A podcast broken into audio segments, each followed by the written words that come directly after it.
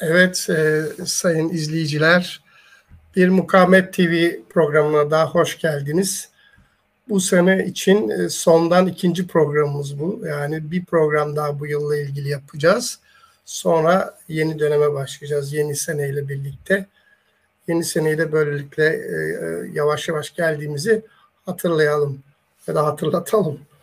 Evet, gene bir ekoloji mücadelesi, bir doğa mücadelesini getiriyoruz e, ekrana. Konuğumuz Sedat Güler, Bursa Doğa Der'den, e, Doğayı Koruma Derneği'den Bursa'dan.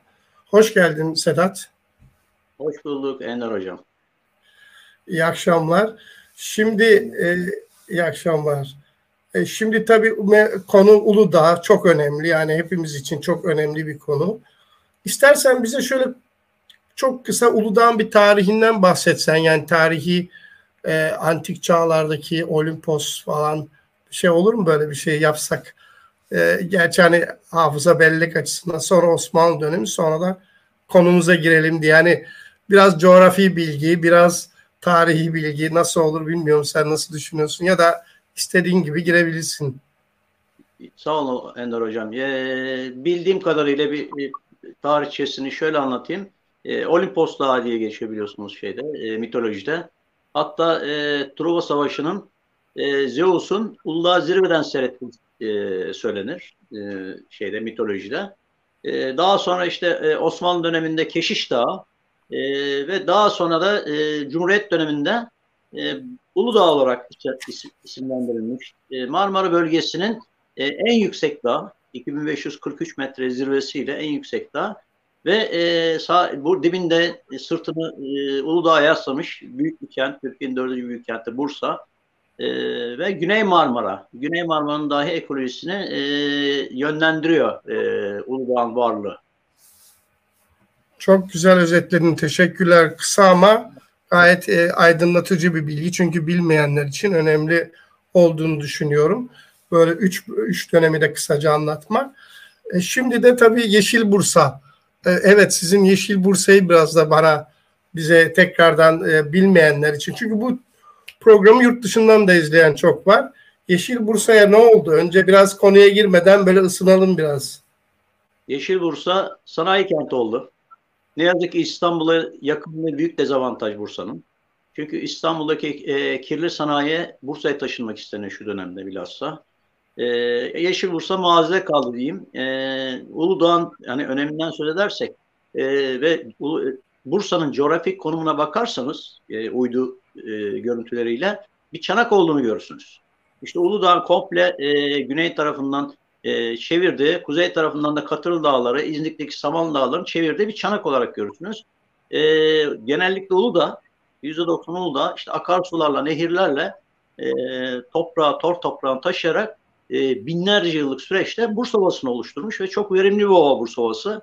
Ama şu anda e, bina yetişiyor sadece Bursa Ovası'nda. Başka bir e, gıda maddesi yetişmiyor neredeyse. E, Bursa Ovası yok olmak üzere. E, 23 tane sanayi bölgemiz var. Bunun 17'si yasal, 6'sı kaçak. E, 3,5 milyona yaklaşan korkunç bir e, göç trafiği ve kontrolsüz nüfus e, artışı var. E, bunun getirdiği yapılaşmalar e, yok ediyor tarım alanlarını, su kaynaklarını, ormanlık arazilere.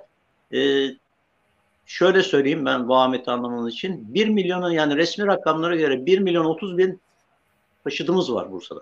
1 milyon civarı bir araç düşünebiliyor musunuz bunun karbon salınımı? İşte burada tam bu noktada Uludağ çok önemli hale geliyor. Ee, çok. Yani diğer çok daha fazla önemli hale geliyor e, bulunduğu e, bitki türleriyle e, oksijen yaratan e, köknar ormanlarıyla ve ağaç türleriyle suyu tutan, tozu tutan ağaç türleriyle Uludağ çok önemli bir hale geliyor. Kısacası Uludağ Bursa'nın ve Güney Marmara'nın yaşam kaynağı, e, can kaynağı oluyor. Çok güzel bir giriş yaptım. Bu arada arkadaşlarımız selamlarını yolluyorlar. Ali Uyar ve Kadir Dadan da hepsi selam top, e, şey izliyorlar ve mesajlarını iletiyor. Biz de kendilerini selamlıyoruz. E, çok güzel bir giriş yaptın doğru. Uludağ'ın çok önemi. E, yani benim bildiğim eskiden duyduklarım insanlar yürüyerek Uludağ eteklerine çıkar. Tabii tam tepelere değil. Kestane toplar hepsi gelir kış günlerinde o kestaneleri evlerde yerlerdi. Şimdi galiba kestane ağaçları da pek ortada yok gibi duyduk. E, öyle mi değil mi? Nasıl acaba? Bir hastalık varmış. E, bunun bir önüne geçemediler. E, sebebinin gal arısı olduğunu söylüyorlar. Şimdi şöyle söyleyeyim. Ender Hocam, Türkiye'nin kestane ormanlarının %70'i Uludağ'da. Yani Türkiye'de 100 tane kestane ağacı varsa 70'i Uludağ'da. Fakat kestane üretiminde Aydın şu anda birinci ilimiz. Yani Bursa'yı geçti Aydın kestane üretiminde. Bu da Uludağ'ın biraz sahipsizliğiyle ilgili. Kestanemizin sahipsizliğiyle ilgili. Ee, Ulamur ormanlarımız vardı. Ee, o Ulamur ormanlarımız da yok oldu. Kestane ormanlarımız da yok oldu. Gittikçe bu yapılaşmayla yani Uludağ'ın eteklerine kadar yapılaşma devam ediyor. Hatta oradaki kayın ormanları e, de artık e, tamamen yok edilmeye ve kesilmeye başlandı. Bu nedenle de farkındaysanız Bursa'da bir sel olduğunda artık kent merkezine kadar sel yaşıyoruz. Neden? Kayın ağaçlarımız yok. E, toz tutma özelliği olan ve su tutma özelliği olan kayın ağaçlarımız kalmadı eteklerde. Uludağ'daki zon e, tabiri şöyledir. Yani eteklerden çıkmaya başladığınızda yukarı doğru milli parklar giriş kapısına doğru ağaç türleri o e, rakıma göre yükselttiğe göre değişmeye başlar. İşte kayınla başlar, çam vesaire ağaçlar e, 2800 metrelere geldiğinizde çam artık azalır. Uludağ köknarı dediğimiz e, Uludağ Üniversitesi'nden Gönül Kaynak hocamız vardır. E, emekli oldu şu anda biyoloji hocası. İki sene araştırma yapmıştı Uludağ'da e, endemik bitkileri ve ağaç türlerine. E, ya onun dediğine göre bir Uludağ köknarı Bursa'da 70 kişi 70 kişinin bir günlük oksijeni sağlıyor. Düşünebiliyor musunuz? Çok önemli. Çok önemli. Uludağ köknarı. Ee, o yüzden sanayileşmiş bir kent olmamıza rağmen biraz nefes alıyorsak da bunu da Uludağ'a borçluyuz. Ee, dediğim gibi hani şey kalmadı artık kestane ağaçları e, orman içinde sahipsiz. E, Bursalıların genelde gene de e, doğa yürüyüşlerinin vesaire Bursa rağbet etti. Gitti kuzu kestane dediğimiz tarzda bir kestane toplanıyor e, Uludağ ormanlarından. Ama e, bakımsız ve sahipsiz yani orman bölge tarafından da pek dikkate alınmıyor kestane ağaçlarının varlığı diyeyim. E, tabii e, aynı zamanda e, çok büyük bir gelir kaynağıydı. Yani kestane şekerleri e, çok biliniyor. Hani Bursa'ya gelip de kestane şekeri yemeyen hemen hemen bilmiyorum kaç kişi vardır. Yani dolayısıyla hani biraz böyle çok güzel giriş yaptın. Yani ekolojik yapıyı birazcık anlattın. Çok da güzel oldu. Yani insanların kafasında bilmeyenler için de bilenler biliyor ama bilmeyenler için bir ekolojik giriş oluyor, ekolojiye giriş oluyor. Evet yavaş yavaş konumuza gelelim, geliyoruz. Şimdi bu e, AKP hükümetinin e, bu e, bir şey o, oldu diyelim yani bir açıklaması oldu Uludağ ile ilgili ve mecliste bir çalışma başlatıyor. Uludağ alan başkanlığı diye bir şey uydurdu. Sizler de hemen ona talan başkanlığı dediniz. Çok güzel bir şey talan başkanlığı. Biraz bu alan başkanlığı nedir? E, nasıl uydurdular bunu? E, geçmişi var mı? Ya da Bursa'ya nasıl uygulanacak? Biraz da bundan bahsedebilir misin bize? Tabii. Tabii bahsedeyim. Ee, biraz geçmişe dönerek süreci hani nasıl e, dinleyicilerin, izleyenlerin anlayabilmesi için hani nasıl bu noktaya gelindi, alan başkanlığı noktasına gelindiğini anlatabilmek için. E, biliyorsunuz e, Uludağ'daki birinci oteller gelişim bölgesi vardı. Ve burada e, bir büyük otel vardı. Onunla başlamıştı yapılaşma. Bu da devletin yaptığı bir otelde. E, daha sonra e, de, dönem dönem siyasi hükümetler döneminde e, yolunu bulan bir şekilde otel kondurdu. Otel kondurdu. Birinci oteller gelişim bölgesi doldu. Yani hiçbir milli parkta bu kadar otel yoktur. Ama bizim Uludağ'da var. Yani milli park yasaları ihlal edilerek siyasetin baskısıyla ve belediyenin baskısıyla, yerel yönetimlerin baskısıyla e, birinci oteller e, doldu.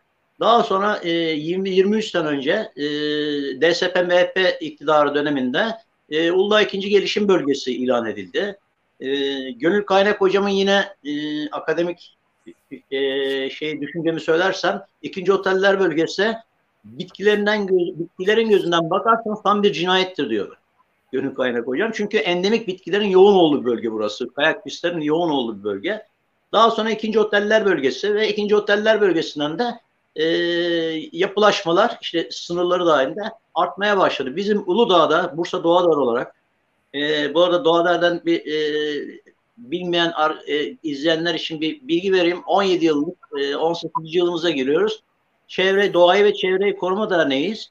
E, ve hiçbir şirketten, hiçbir siyasi partiden, hiçbir e, belediyeden e, maddi yardım kabul etmiyoruz. E, kendi ayağımızda kavramaya çalışıyoruz. Bağımsız kalabilelim diye. E, siyasi e, konum şeylerle, görüşlerle kesinlikle eşit mesafedeyiz. Her türlü siyasi görüşte. Çünkü çevre mücadelesi verdiğimizde e, gittiğimiz bölgedeki insanların e, siyasi görüşün karşısında durursanız başarılı olamıyoruz.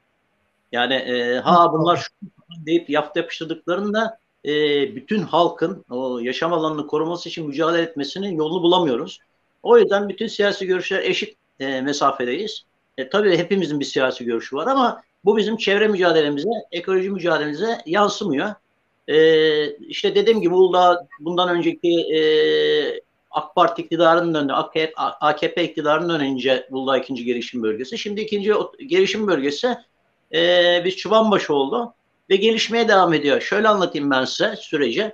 Bizim e, Bursa Barosu tabii de e, Türkiye Mimarlar Mühendisler Odası e, odaları ve e, Bursa Barosu ile birlikte hareket ediyoruz. Çünkü akademik desteğe ihtiyacımız oldu. Akademisyenlerden alıyoruz biz de gerekli bilgileri. Bursa Barosu da hukuki süreci e, sürdürüyor. E, Uludağ'da şu ana kadar açtığımız 15 yakın dava var. 17 sene içinde. Durdurabilmek için bu yapılaşmaları bazılarını kazandık, bazıları hala devam ediyor. 17 seneden beri olan davaları. Geçtiğimiz 7 sene önce mesela Telefek projesini açtığımız dava 7 sene oldu hala devam ediyor. Ee, geçenlerde kesimi yaptık.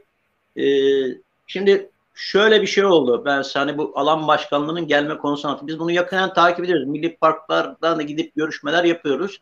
Ee, ne durumda? Ee, kulağımıza geliyor bilgiler. Ee, alan başkanlığı söz edilmeden önce şöyle bir olay yaşandı. İkinci oteller bölgesi e, biliyorsunuz turizm bölgesi ama yine de milli parklara bağlı. Yani e, bu e, tesislerin kiralanması, 25 yıllık kiralanması bedelini şey yapan milli parklar ve sorumluluğu yine milli parklarda turizm bölgesi olmasına rağmen. Fakat turizmciler bundan çok rahatsız.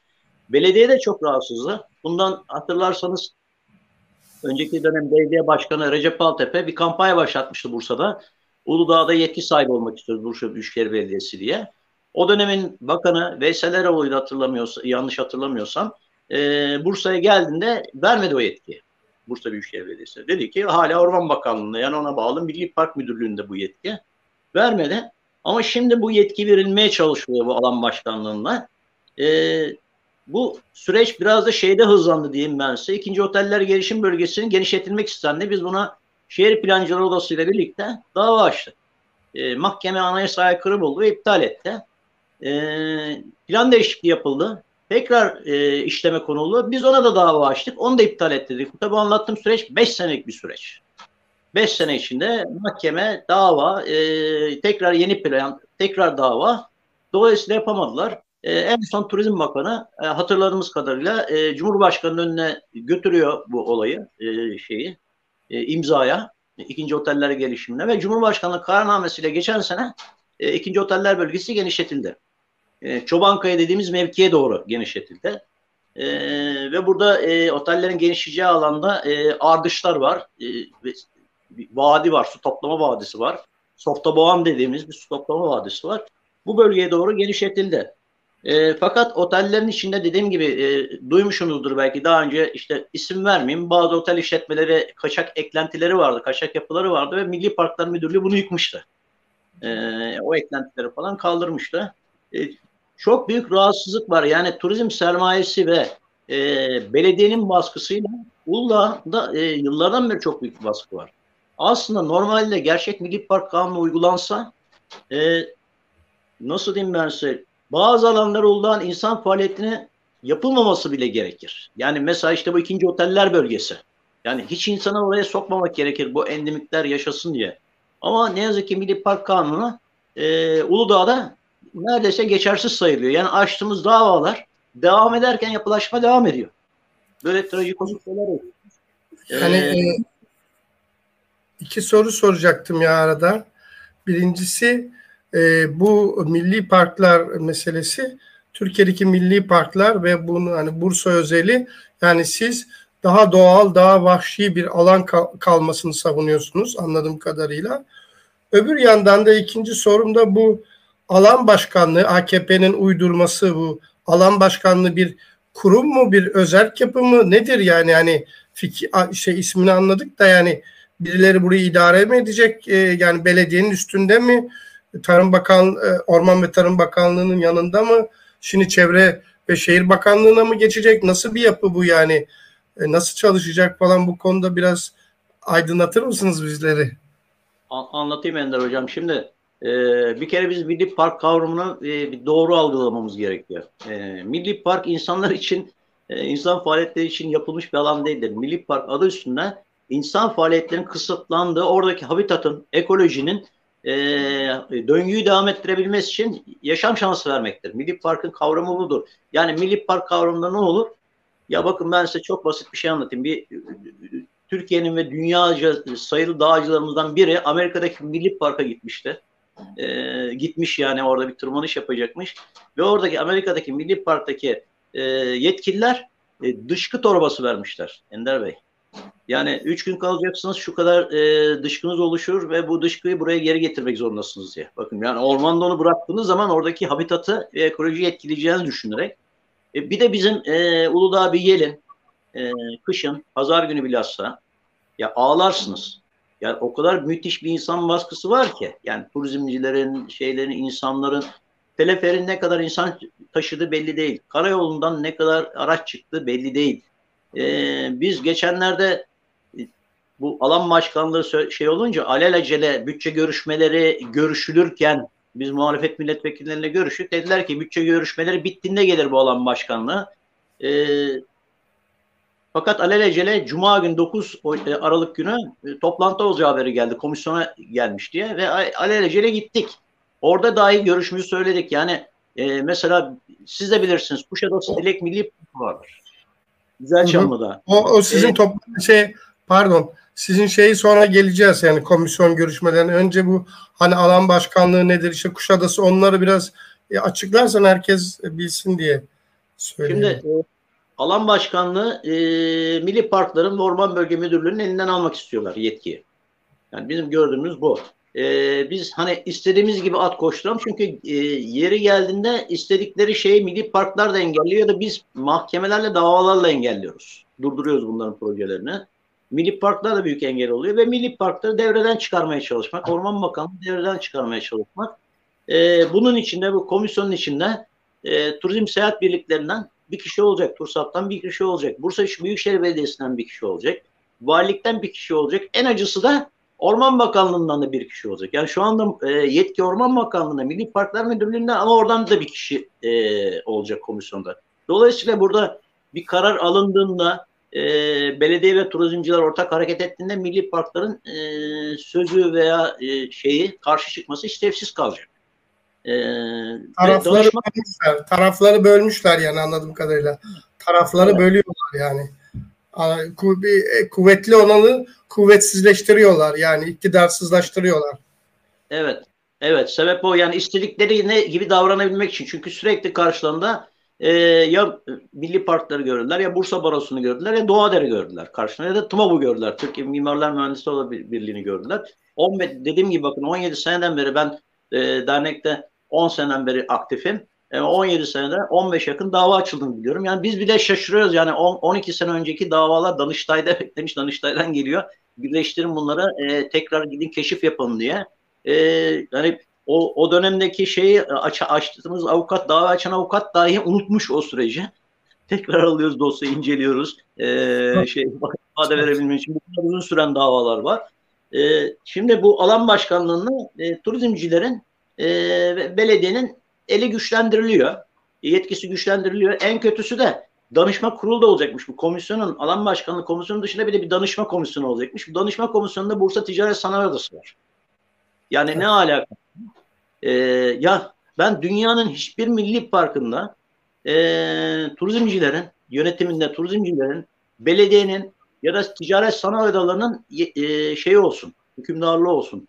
Yani yetkisi olsun onun kontrolünde olsun. Böyle bir şey görülmemiştir. Uludağ hala bir milli park. Ama ilerleyen süreçte Kapadokya'nın başına geleceğini de düşünüyoruz. Yani Kapadokya biliyorsunuz Mayıs ayında e, Milli Park ilan edildi. Ekim ayında 5 ay gibi kısa bir süre sonra Milli Park'tan çıkarıldı. Göreme Milli Park'ın içindeydi ve çıkarıldı. E oradaki yaşanan süreci Talan'da hepimiz biliyoruz. Biz bundan zaten çekiniyoruz. Yani çünkü öyle bir e, gözleri dönmüş, kör olmuş ki yani Kapadokya gibi kaç bin senelik bilemiyorum yani yanıltıcı konuşmayayım. E, iki tane peri bacası kalsa ne olur tarzı konuşmalar oluyor. Yani bu korkunç bir şey. E şimdi Kapadokya e, Nevşehir'in hayat kaynağı değil. Yani e, Nevşehir'e can vermiyor. İşte ilk alan başkanlığı Çanakkale'de olmuş. Çanakkale'de şehitlik olduğu için belki orada başarılı bir uygulamadır ama Kapadokya'da kalan herkesin göz önünde devam ediyor. E, şimdi bu Bursa Uludağ'a da olursa ilk önce Uludağ ardından Bursa yok olacak. Bunun bilincinde değiller, farkında değiller. Yani çünkü Bursa'nın can kaynağı, yaşam kaynağı oldu. Bakın 3,5 milyon kentin ve sanayileşmiş bilhassa tekstil otomotiv gibi yani çok su kullanımı olan bir sanayi sistemi. Tekstil otomotiv gibi bu suyu gönderen Uludağ. Yani e, tamamını neredeyse 3,5 milyonluk kentin e, Uludağ'a gönderiyor. Barajlarımız riskli. Artık Evliya Çelebi'nin Bursa sudan ibarettir lafı tarihte asılı kaldı.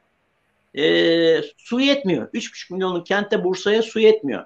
E, barajlarımız tehlikede haberlerden takip ediyorsunuzdur. İşte Doğancı Nilüfer'de iki barajımız var. Biz de gidiyoruz haber yaptırıyoruz burada e, ulusal gündeme giriyor falan ama e, işte bu susuzluğun e, etkilerini azaltmak için BUSKİ yani Bursa Su Kanalizasyonu İdaresi Ova'da e, 130 tane kuyu açtı Ender Bey.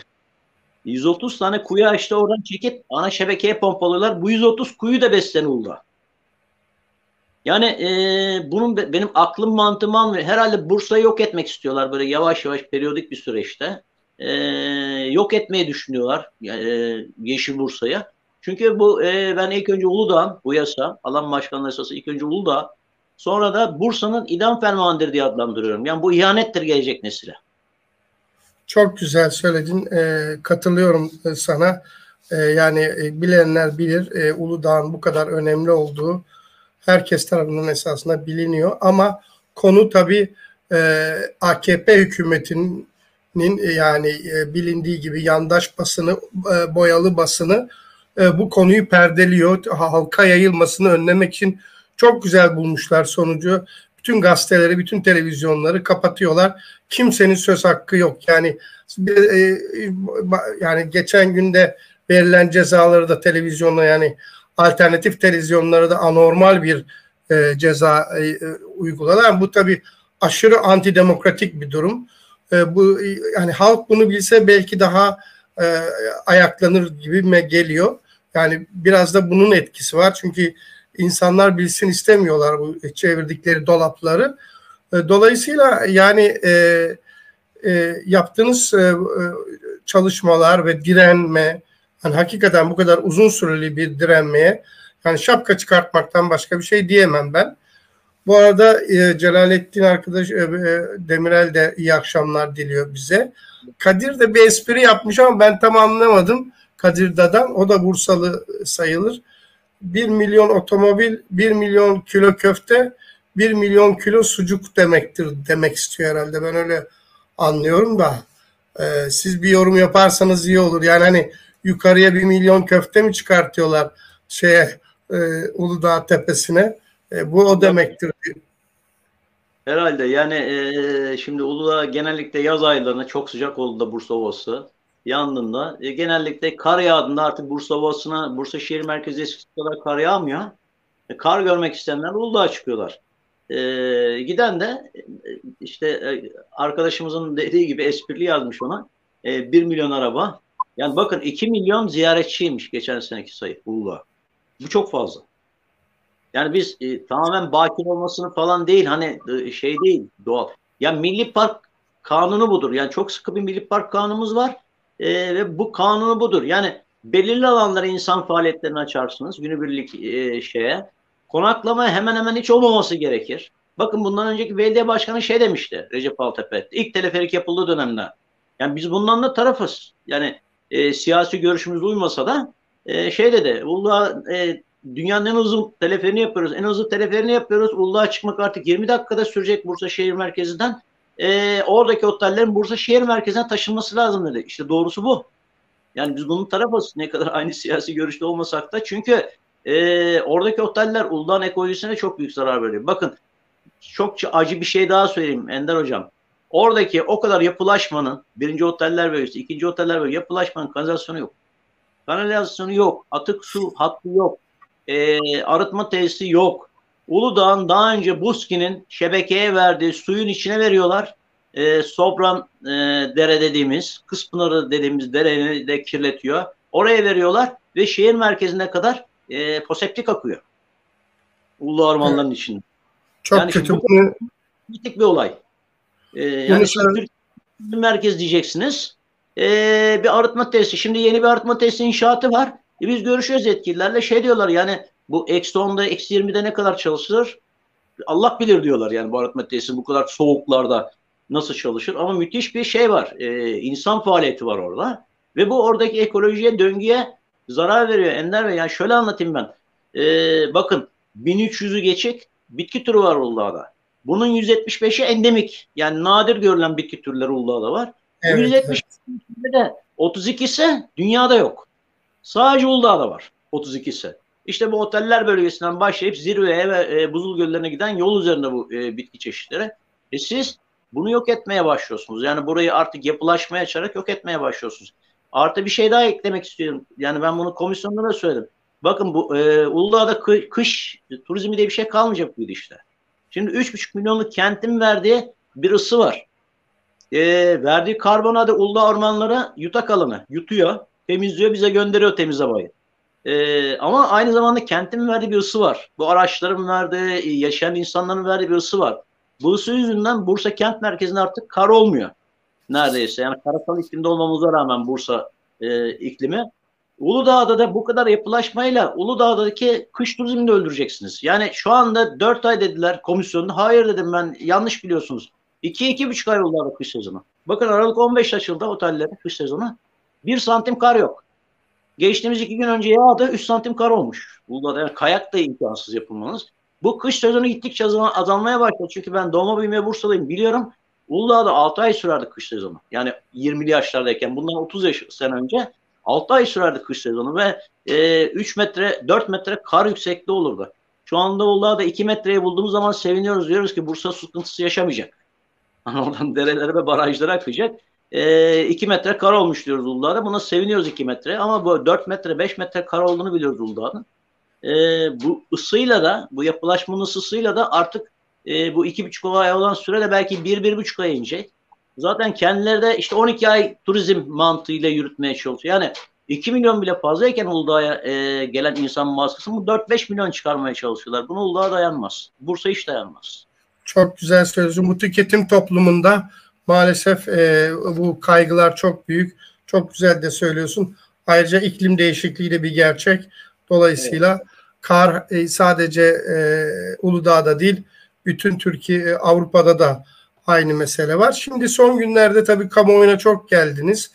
E, e, protestolar, imza kampanyaları ve sonuçta e, siz de Türkiye Büyük Millet Meclisi'nin komisyonuna davet edildiniz. Bursa Barosu'yla birlikte e, sen de gittin e, komisyon e, e, toplantısına. Normalde böyle komisyon toplantılarını alınmıyorlar bildiğim kadarıyla dernekler ve e, barolar ama bu sefer bir e, yani eksepsiyonel bir durum yapılmış ve siz kabul edilmişsiniz. Dolayısıyla e, yani e, bu komisyonda neler oldu? Sizi nasıl e, karşıladılar? Nasıl etkilemeye çalıştılar ve e, sen ve Baro nasıl savundunuz? Biraz da bunlardan bahsedersen mücadeleniz yani Uludağ mücadelesi nasıl oluyor ve bundan sonra da nasıl olacak? E, diye bize anlatırsan çünkü vakit de yavaş yavaş bitiyor ama bunları toparlayarak bir güzel anlatırsan bu arada Hayati de selam yolluyor Bodrum'dan teşekkür ediyoruz kendisine. Evet söz sende. Ee, şimdi e, bu dediğim gibi alan başkanlığı artık 12 tane Bursa Milletvekilliğinin e, imzasıyla yasa tasası olarak meclise sunulduğunda e, biz harekete geçtik ve e, muhalefet milletvekilleriyle görüştük. Yani gerçi e, iktidar milletvekilleriyle görüşmek isterdik ama onlardan şey talebi de yok. Yani e, ya biz bu şu yasayı getirirken Bursa'da yaşayan bu kadar insan var. Burada akademik odalar var, üniversiteler var, hocalar var, bilim kuruluşları var, e, sivil toplum kuruluşları var bizim gibi. Bunlardan da bir görüş alalım. Ona göre bir değişiklik yaparak gidelim falan diye bir olmadı. Yani tam tersi alelacele yangından mal kaçırır gibi bir yasa tasarısı sundular. Ee, biz muhalefet, muhalefet milletvekilleri görüştüğümüzde dendi ki bütçe görüşmeleri var. Bu da Aralık sonunu bulur ki buldu gördünüz. Ee, Ocak gibi gelir dediler şeye e, komisyona. Sonra e, bir milletvekili danışma tarafından bana e, uyarı mesajı geldi ve şey 9 Aralık e, çarşamba günü komisyon toplanıyor saat 3.30'da diye. Biz devreye girdik. Telefon görüşmeleri, trafiği derken komisyona davet edildik. Aslında bütçe görüşmeleri sırasında alınmıyormuş kimse. E, hiçbir ziyaretçi kabul edilmiyormuş. E, ve şey olarak girdik. Görevli olarak girdik. Türkiye Büyük Millet e, ve görevli kartıyla girdik yani. E, ve komisyonla e, tabii komisyon başkanı da e, son derece demokrat bir beyefendiydi. E, bizim orada tartışmalarımı, konuşmalarımı dinlememize de izin verdi ve sonra bize söz hakkı da verdi. E, Eralp Atabek, Bursa Barosu Çevre Komisyonu Başkanı ve e, Türkiye Barolar Birliği e, Çevre Komisyonu Sözcüsü kendisi. E, bir de ben Doğader adına. Çünkü biz bu süreçte diyorum işte 17-18 senelik Doğader'in bir geçmişi var.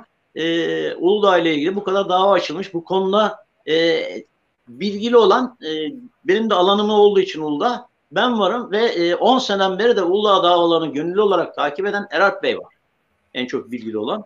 E, komisyonda bunu değer olarak gördü ve davet etti. Dinledik ve bize söz hakkı verildiğinde e, gördük çok yalan yanlış bilgilerle hani Bursa dahi tam kıymetini Uludağ'ın sadece kullanım amacıyla kullandığı için Uludağ hani az önce arkadaşımızın dediği gibi 1 milyon araç, 1 milyon kilo sucuk, 1 milyon kilo köfte dediği gibi e, Bursa genellikle kullanım amacıyla Uludağ'a gidiyor. Yani e, şey bilmiyor. Oradaki ekolojinin Bursa için ne kadar değerli olduğunu pek bilmiyor Bursa'da ki Ankara'da hiç bilmiyor. E, dilimizden elimizden geldiğince, dilimiz döndüğünce anlattık. Orada biraz yanıltmaları da düzelttik. Çünkü e, biraz çok komik görüşmeler oldu. Bana göre komik diyorum. Çünkü bir kaya konuşuldu orada. Kayak pistindeki. E, kayanın e, kırılmasına, kaldırılmasına milli parklar izin vermemiş e, otelciler müdahale ettiğinde milli parklar ceza kesmiş falan bu konuşuldu. Dediler ki insan hayatı mı değerli? Bu kaya mı değerli? E, çarpıtıyorlar, muhalefet... çarpıtıyorlar, çarpıtıyorlar sözünü kestim, çarpıtıyorlar.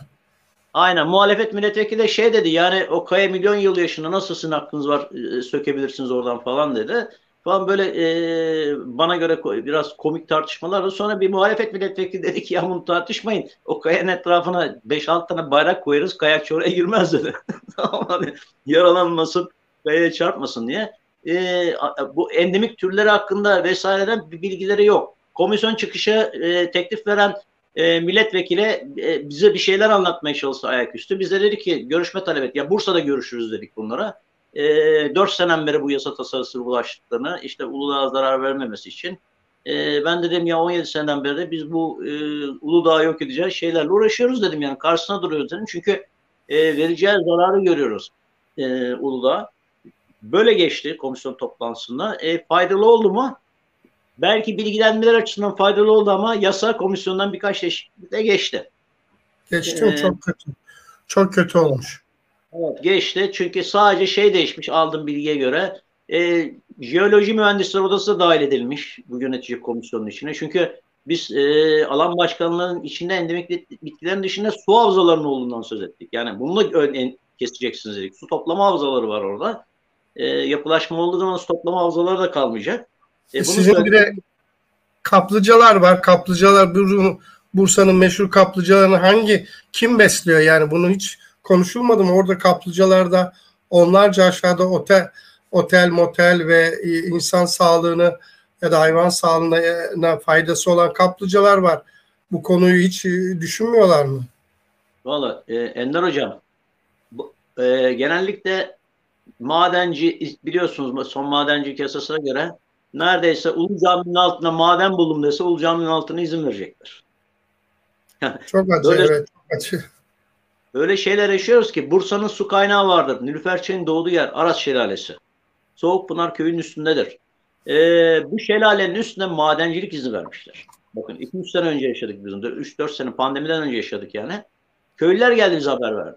Yani bölgedeki köyler dediler ki ya böyle böyle delirir, delirdim bunlar dedi, dediler. Yani kendileri çünkü barajı besleyen, Nilüfer Barajı'nı besleyen en önemli su kaynağı. Nilüfer Barajı da Doğancı'yı besliyor.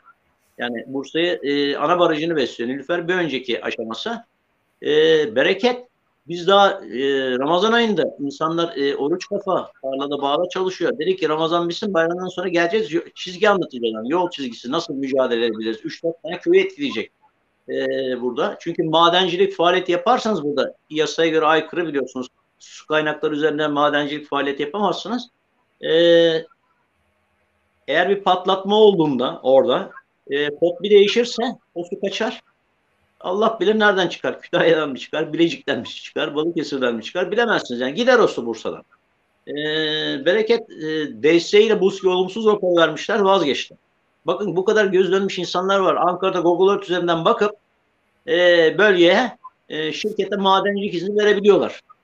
Hani kaplıcaları falan kimsenin düşündüğünü zannetmiyorum. E, hatta daha önce bizim daha önce projemiz vardı. Onu iptal ettirmiştik dava açıp. E, Bursa'nın şehir merkezinden daha önce bölgesine o dönemin valisi e, bir terör örgütü suçlamasıyla da yargılandı kendisi. E, Bursa'nın şehir merkezinden e, 30-40 kilometre boru çekip daha önce termal su getirip Arap turizmini açacaktı. Biz bunu iptal ettirdik. E, yani o kadar e, akla hayale sığmayan o kadar aptal projeler çıkıyor ki karşımıza. Hani biz bile diyoruz ki ya bu nedir? Hani e, hiç düşünmüyorlar mı yani kendileri öldükten sonra e, Türkiye'nin yok olacağını ya dünyanın yok olacağını düşünüyorlar bunlar. Hani işte arkamızdan gelen bir nesil var. E, ve Anayasanın 56. maddesine göre her Türkiye Cumhuriyeti vatandaşı sağlıklı çevrede yaşama hakkına sahiptir ve onu korumak da mükelleftir der Anayasanın 56. maddesi. Zaten biz bu çizgiden hareket ediyoruz. Ee, yaşanabilir bir kent bırakmaya çalışıyoruz e, çocuklarımıza. Bunun da tek kaynağı Uludağ elimizden geldiğince az dokunmakla olacağını inanıyoruz. Yani siz oradaki habitatı yok ettiğiniz sürece o eninde sonunda gelecek bize dönecek. Bursa'da yaşayan insanlar dönecek. Su kaynakları ilk önce kirlenmeye başlayacak. Daha sonra yok olmaya başlayacak. Ee, evet. Aynı şekilde Sedat, aynı şekilde bir dinleyicimiz Celalettin yazıyor. İstanbul'da içtiğimiz suların çoğu da Uludağ kaynaklarından geliyor. E, herhalde o meşhur sudan bahsediyor. O otellerin atık suları bunları da tehdit edecek. Çünkü İstanbul ve Türkiye'nin büyük bölümü bu Bursa'nın meşhur suyundan yani içme suyundan e, besleniyor yani satılan bu evet. şimdi çok pahalı olan su e, su konusu. Öyle bir yorum yapmış. Doğru değil mi sence de yani? Doğru. Doğru yani bu İstanbul'un biliyorsunuz e, 30 sene önce yaşadığı su krizinde 30 sene oldu herhalde yanlış hatırlamıyorsam. Evet, evet. E, ve o zamanlar bu su şirketleri falan yoktu pek. E, damacana sularla e, halk su istasyonlarından satın alıyordu. E, İstanbul'da ben birkaç sefer ziyaret ettiğimde şahit olmuştum. Her mahallede hemen bir su istasyonu vardı nereden geldi belli olmayan bir su, içme suyu e, halk damacanalar alıp götürüyordu evlerinde öyle tüketiyordu. Ve o suyun çoğunluğu Bursa'dan geliyordu tankerlerle İstanbul'a. E, o ayrı bir felaket şeye. E, şimdi bu, bu, bu kadar değerli bir meta haline dönünce, doğadan gelen şey insan tek eline alınca e, o ayrı bir dert. Uludağ'ın doğu tarafındaki sular yani batı tarafında da var gerçi de doğu tarafında genellikle yoğun su şirketlere e, yani daha kaynağından yere düşmeden neredeyse tabiri caizse borular için alıp e, dünyanın her bir yerine kadar pazarlanıyor Uludağ suları. Ama bir taraftan da garip. Hani belediyenin de var biliyorsunuz e, su şişeleme tesisi. E, en kötü taraf da hani biz bunu duyurduk da kamuoyuna. E, Bursa Büyükşehir Belediyesi e, başkanı e, e, süresini hatırlamıyorum. 6 ay önce bir açıklama yapıyor. Diyor ki yaz başında e, iyi bir kar yağış olmadı Uludağ'da. Dolayısıyla e, susuzluk riski yaşayabilir sonbaharda. E, suyunuzu dikkatli kullanın diyor yaz döneminde Bursalılar için. Bir hafta sonra da iki tane su kaynağını bir özel şirkete satıyorlar 5 senede. Yani biz bunu duyurduk dedik ki Bursa'nın suyu Bursalı'ya yetmezken bu nedir yani? Ve o su kaynağını e, açtıkları su şirketinde belediyenin açtığı ortak oluşturucu şirket, şirketinde 7 ayrı ülkeye pazarladıklarını söylüyorlar, sattığını söylüyorlar. Ama yani bir anda kahramanca yani çok böyle şaşalar, meraklılar ya her şeye. Evet. Tabii bu yapılanlar hem e, iklim değişikliği anlaşmalarına hem geçenlerde olan Kanada'daki COP15 biyoçeşitlik e, konferansta Türkiye oralarda da imzacı göğe hepsine de e, ters hepsine de e, yani yapılanlar ters oluyor ama imza atıyorlar çünkü kendilerini göstermeye çalışıyorlar dünya kamuoyunda böyle bir şekilde yanlış bir şekilde esasında Türkiye aleyhine oluyor durumlar. Ee, Sedat e, çok teşekkür ediyorum. Çok güzeldi aydınlatıcı bilgilerin. E, mücadeleniz çok önemli. 18 seneden beri bunu insanların bilmesi daha da fazla bunları anlatmamız lazım. Ama işte e, dediğimiz gibi olanaklarımız kısıtlı ama Mukavemet TV olarak e, yerelin ve özgürce eylemcilerin ve inisiyatiflerin sesini ekrana taşımaya çalışıyoruz. E, konu biterken sana iki kısa soruyu soracağım. Bir, Wolfram madeni ne oldu? İki, girişteki ayı barınağı ne oldu? Bu konuları da söylersem sonra da veda edeceğiz izleyicilerimize. Wolfram 80'li yıllarda kapatıldı.